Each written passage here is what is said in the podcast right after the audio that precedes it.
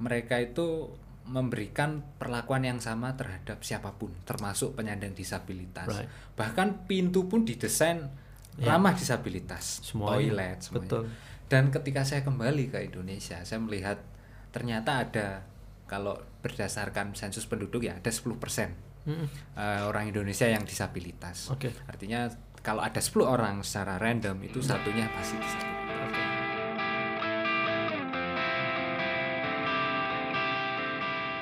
Hi, welcome to The Driven. On our podcast, we will unpack and share some of the most creative, innovative, and entrepreneurial minds out there. We will be discussing the drivers' experience, ideas, and values behind the why, the how to create impact. We deliver it weekly so that you can be inspired. So stay tuned.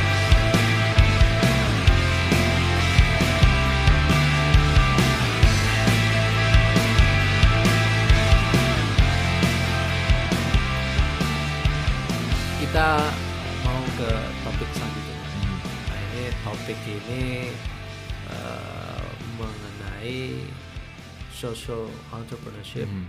ya yang sedang kamu eh, bikin gitu kan.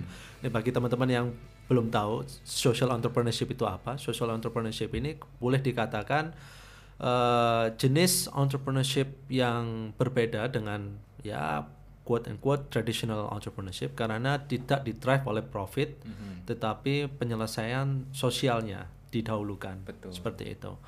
Nah, social entrepreneurship uh, yang sedang kamu buat ini adalah namanya Percacita. Percacita. Ya, bisa jelaskan Percacita itu apa? Percacita itu proyek pemberdayaan penyandang disabilitas, Mas. Oke.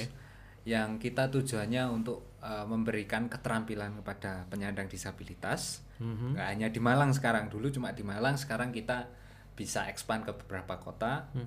Uh, tujuannya untuk memberikan keterampilan supaya mereka bisa mandiri secara ekonomi dan sosialnya bisa terangkat lah seperti itu. What what is the motivation? What uh, apa ya? What drives you Mm-hmm. ya untuk kemudian uh, punya inisiatif ini? Ya. Berangkatnya dari mana? Storynya dari mana? Storynya sebenarnya ya dari perjalanan-perjalanan saya ke negara-negara maju itu, eh, mereka itu memberikan perlakuan yang sama terhadap siapa pun, termasuk penyandang disabilitas. Right. Bahkan pintu pun didesain Ya. ramah disabilitas, Semuanya. toilet, semuanya. Betul. Dan ketika saya kembali ke Indonesia, saya melihat ternyata ada kalau berdasarkan sensus penduduk ya ada 10% Mm-mm. eh, orang Indonesia yang disabilitas. Oke. Artinya kalau ada 10 orang secara random itu satunya pasti disabilitas. Oke. Nah, em, Mas Brili kan sering diundang jadi pembicara di berbagai acara-acara. Mas Brili kan eh, insight-nya banyak. Hmm. Coba Mas Brili pernah ngitung nggak yang eventnya Mas Brili eh, Ada nggak yang ada yang nggak nyediain penerjemah? No. Padahal Mas Brili ini sumber insight gitu. Oke. Mereka itu nggak nggak dapat insight Ya. seperti itu. Oh, I see. Ya. Terus tempatnya ada yang nggak, ya, ada nggak yang ramah disabilitas, yang ada remnya, ada Betul, betul, betul. itu. Level opportunity-nya tidak sama Ya. Mm-mm. yang mereka peroleh. Betul, Gitu tidak kan. mendapatkan kesempatan yang sama. Bahkan pemerintah, acara pemerintah itu Hmm. jarang banget, Pak. Oh. Penyandang disabilitas itu hanya dibebankan ke Kementerian Sosial. Oke. Nah, sementara di kementerian lain banyak sekali pelatihan. Adi, Yes. Nah, Diskominfo, Diskominfo, ada pelatihan membuat website di Dinas UMKM. Tapi apa ada yang Untuk peduli? Bahkan saya pernah coba ya, saya penyandang disabilitas tuli, disediakan nggak eh, penerjemah? Tidak. Tidak. Ya mohon maaf, itu Ya. pemerintah, acara pemerintah. Ya, Oh, terus mereka bagaimana bisa memperoleh kesempatan yang sama, belajar yang sama? Hmm. Ya beruntunglah di Brawijaya ini ada program disabilitas, Mas. Dan mereka ada volunteernya, jadi ada asistennya dibantu gitu. Kita salah satu yang terbaik untuk itu. Nah, salut Indonesia. salut. Iya kan? Ya, luar biasa. Eh, dan teman kita juga yang jadi director dari eh, salah satu center untuk eh, Hmm. disabilitas Hmm. di Universitas Brawijaya. Iya. Nah, um, oke, so kamu melihat itu sebagai salah satu um, apa namanya Ya, permasalahan eh, yang permasalahan ya yang yang terabaikan gitu kan oleh pemerintah dan oleh society. Dan kamu ingin mengetuk hati eh, masyarakat luas sana bahwasanya you know they mereka juga butuh eh, apa namanya pemberdayaan. Mereka juga butuh eh, support eh, yang lain juga gitu. So percacita ini nah ini yang bagi teman-teman yang belum tahu percacita ini justru memperoleh fundingnya itu dari luar Iya, dari pemerintah luar dari pemerintah luar. Iya. Nah ini gimana? Bisa cerita nggak?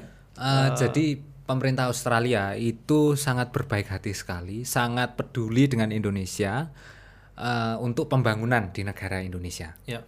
Dan mereka mengandalkan alumni-alumninya yang pernah kuliah di Australia, baik eh, biaya sendiri, dibiayai pemerintah atau studi singkat, Oke. itu untuk bisa mengakses program hibah itu. Oke. Eh, pada waktu itu saya coba buat proposal, terus eh, ya singkat kata diterima. Kita coba kerjasama sama Pelanusa. Pelanusa itu komunitas yang membina ibu-ibu Mm-mm. untuk membuat kerajinan tangan. Mm-mm. Terus saya saya, saya bilang sama pelan, ibu-ibu Pelanusa, Bu, ayo kita eh, ngajarkan ke difabel. Ternyata Pelanusa juga belum pernah sebelumnya. Mm-mm. Untuk padahal mereka punya 500 lebih eh, komunitas di Indonesia. Mm. Eh, singkat- 500 komunitas di ibu-ibu Indonesia. ya. Ibu-ibu. Mereka Seluruh Indonesia? sasarannya ya, ya beberapa kota. Ya, Ada ya. Paling hanya- jauh itu dari NTT kalau nggak salah. Oke. Jadi kamu kerjasama dengan mereka Nah, untuk untuk menyelenggarakan pelatihan, Pelatihan membuat kerajinan tangan dari kain perca. Dibuat tas souvenir lah, tas, tempat tisu, tote bag, seperti dompet. dan ini kain perca ini dipilih karena ternyata ya nggak hanya apa namanya Nggak eh, sekedar kain perca yang kamu ambil tapi ternyata you solve another Ya. problem juga yang Ya saya coba dari untuk kain apa istilahnya itu kan sebenarnya kain perca itu Kain kain, limbah. sisa, Hmm. sisa potongan yang tidak terpakai. ya itu sebenarnya bukan limbah limbah itu kalau sudah masuk tanah terus dia mencemari nah itu itu menjadi Jadi limbah. limbah. tapi ini kain sisa perca itu kain sisa Eh, dia kalau dibuang itu bahan kimianya masuk ke tanah oke terus susah terurai kadang ada bahan yang non katun itu terurainya lama. Kalau katun cepat Oke. terus ada bahan kimianya. Nah itu kita coba mempromosikan eh, ini loh ada ada kain yang berpotensi menjadi limbah. Kita sulap aja menjadi kerajinan tangan. Oke. seperti tas yang cantik-cantik seperti itulah. Nah itu bagaimana saya coba mempromosikan selain pemberdayaan disabilitas juga bagaimana kita bisa menyelamatkan lingkungan. Karena planet kita cuma satu mas. Siap betul sekali terus saat eh, eh, apa namanya percacita ini eh, memperoleh funding dari luar Mhm. kemudian kamu kerjasamakan dengan Pelanusa Pelanusa eh, sebagai, Sebagai eh, instrukturnya yang instrukturnya ngajari, ya. gitu kan Em, apa ya milestone yang yang sudah kamu apa peroleh dari situ apa aja Hmm. Eh, kita udah jalan sekitar 10 bulan 10 bulan 10 baru 10 bulan. bulan Nah. kemudian eh mulai bulan November Hmm. itu kita melatih offline offline ya sekarang online itu 35 penyandang disabilitas di Kota Malang itu Malang offline Raya awalnya sih. gitu Mm-mm, Oke, offline lalu 35 orang orang dari itu. SLB ada tiga SLB Hmm.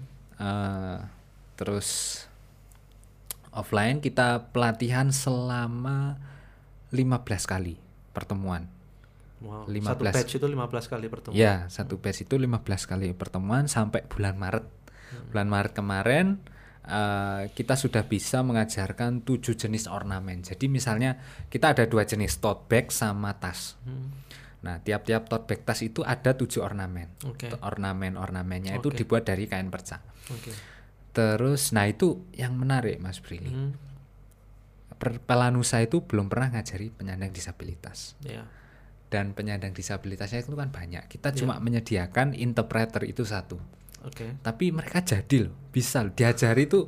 Dan ini bu- bukan ngajari satu tambah satu sama dengan, tapi teknik gitu loh. Ini harusnya dibalik kayak gini, Ya. terus ujungnya dilipat terus baru dijahit. wow itu kan penuh dengan direction. ya ya Tapi ya. mereka kebanyakan 80% dari peserta itu tuli. Wow. tuli dan mereka jadi gitu. Dari mana kok mereka tahu padahal ya pelatihnya itu ini nanti dibalik dibalik terus ganti ke lainnya ini dibalik dijahit jahit kayak gini kayak ini jahit Ya jadi nah itu mungkin saya pikir ya itu musisat sih pak itu kasih sayang Tuhan pada pada makhluknya Ya, ya, ya. That's good. That's good. That's good. Ya, Dan- itu itu spiritual per- perjalanan spiritual No, no, no, ya, ya, ya. Um, ya, artinya gini, kalau misalkan social entre if you want to become a social entrepreneur, itu kan, then you really need to uh, be cautious tentang uh, the social problem yang ingin kamu selesaikan, and you really need to live uh, di social problem itu, gitu kan. Dan saya lihat kamu dan teman-teman yang lain juga yang ada di Percaya Cita itu sepertinya sangat tulus banget untuk mengembangkan um, that project gitu. Dan I wish for the best untuk uh, Percaya terima kasih saya, saya juga Eh, belajar banyak pak dari situ Iya iya iya. Em, kemudian sekarang ini saat em, ini sudah mengarah ke bagian akhir dari apa namanya podcast eh, episode eh, Meet the Founder ini.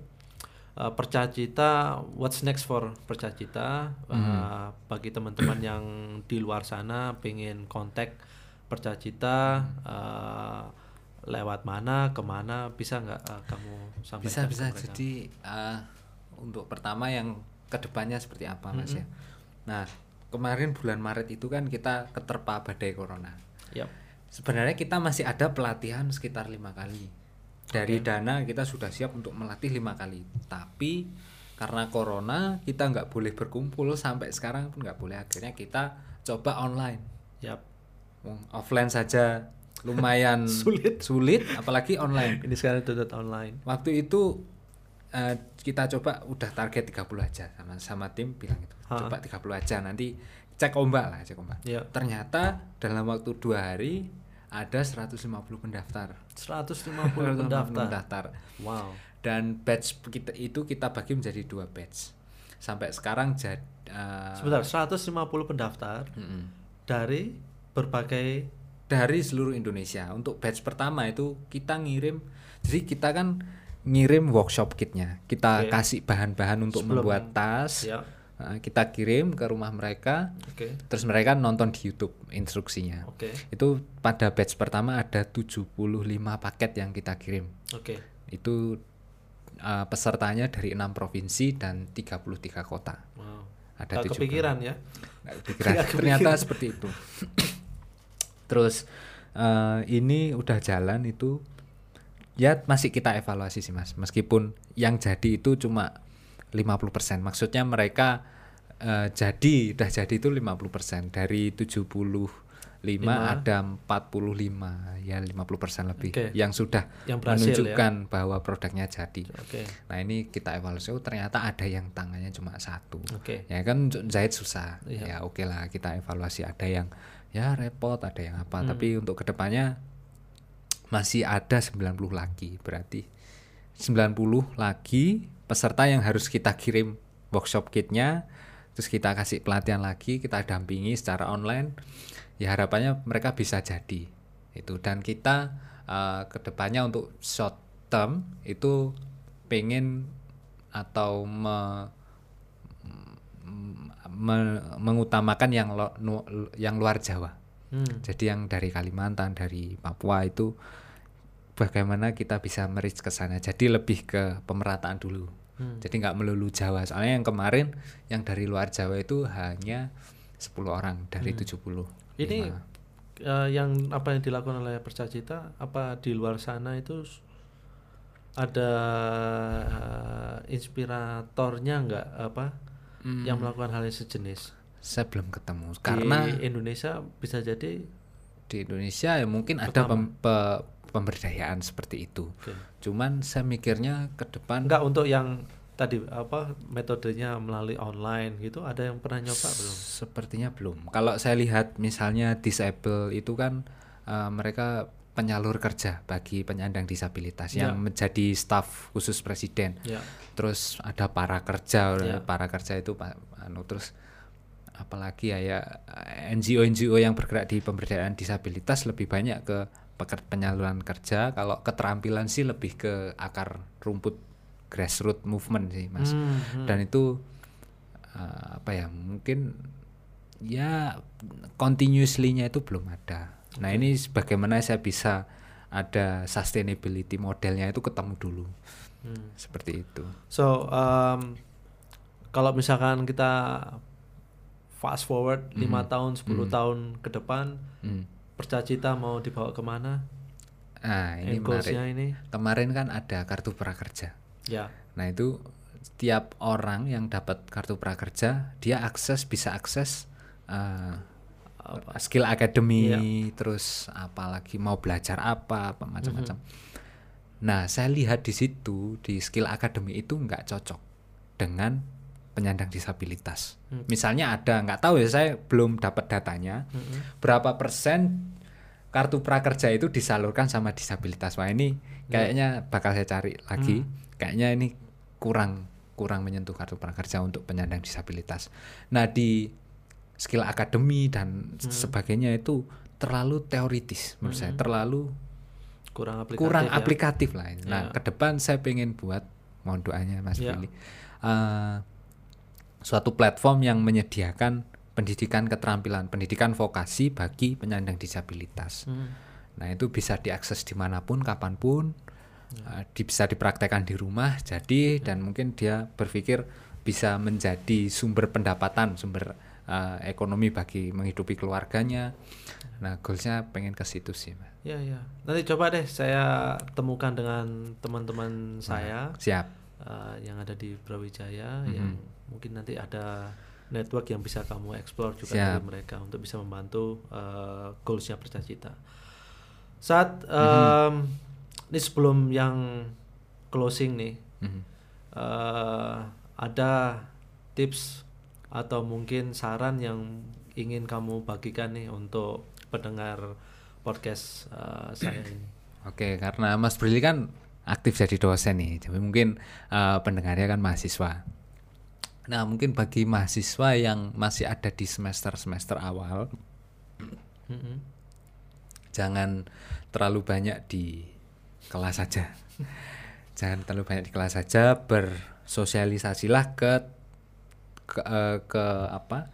organisasi yang menurutmu bakal bisa eh, memperbaiki atau mengupgrade karena tidak setiap komunitas yang ada di kampus itu cocok dengan diri kalian. Hmm. Selalu temukan, jadilah kutu loncat kalau nggak apa-apa. Hmm. Kemudian ambillah peran. Jadi nggak cuma hanya sebagai pengikut aja, tapi kalau bisa jadi ketua apa, Hmm. jadi ketua program apa, jadi punya pengalaman leadership, punya Hmm. pengalaman dimarah-marahi orang, punya pengalaman soft skill yang uh, lainnya soft ya. skill yang lainnya memecahkan masalah. Ya. Kedua itu, ketiga cobalah setiap peluang-peluang yang ada.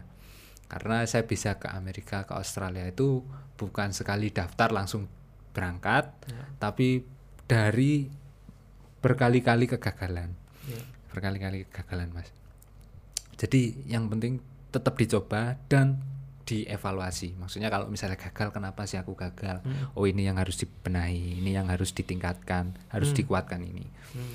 Saya rasa seperti itu dan janganlah menjadi mahasiswa yang sama seperti yang lain, harus punya pembeda. Hmm. Bergaulah dengan mahasiswa-mahasiswa dari lintas disiplin Hmm. ilmu. Hmm. Itu juga penting karena kita bisa bertukar pemikiran, kita Ya. bisa update uh, teknologi atau update isu-isu terkini dari mahasiswa. Excellent. Ya seperti itu. Oke, um, Sat, Mhm. terima kasih loh sudah Sama-sama. apa bergabung di podcast ini Yap. dan I think that's that's it. Terima kasih. Wassalamualaikum warahmatullahi wabarakatuh.